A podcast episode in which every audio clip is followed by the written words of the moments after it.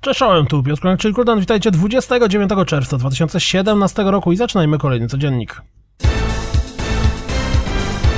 Po omawianiu Bethesda Pinball wiem, że ten gatunek dalej ma swoich zwolenników, specjalnie dla nich zwiastun Pinball FX3. Pseudo Cyberpunk, bo taki ze sporą ilością magii, roguelike i Twin Stick Shooter, czyli premierowy zwiastun Leap of Fate czeka na obejrzenie. Orcs Must Die Unchained zadebiutują w finalnej wersji 18 lipca. Na PlayStation 4 zadebiutowała właśnie America's Army Proving Grounds, czyli oficjalna gra amerykańskiej armii. Micro Machines World Series atakują premierowym zwiastunem i przedstawieniem swoich samochodzików. Pojawił się zwiastun tłumaczący rozgrywkę z The Hunter Call of the Wild.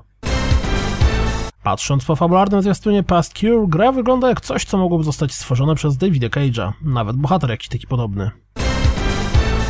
Poznaliśmy zawartość lipcowego PlayStation Plus. Na PlayStation 4 zagramy w Until Dawn i Game of Thrones A Telltale Series oraz Datsu, na PlayStation 3 w Tokyo Jungle i Dark Stalkers Resurrection, a na PlayStation Vita w Don't Die Mr. Robot i Element 4. Inside i Limbo zostaną wydane w zbiorczym wydaniu pudełkowym. Miło!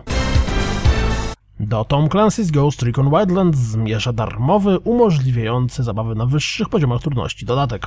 Rzecz dla maniaków. Premiera już jutro, to czas na jeszcze jedną reklamówkę Crash Bandicoot Insane Trilogy.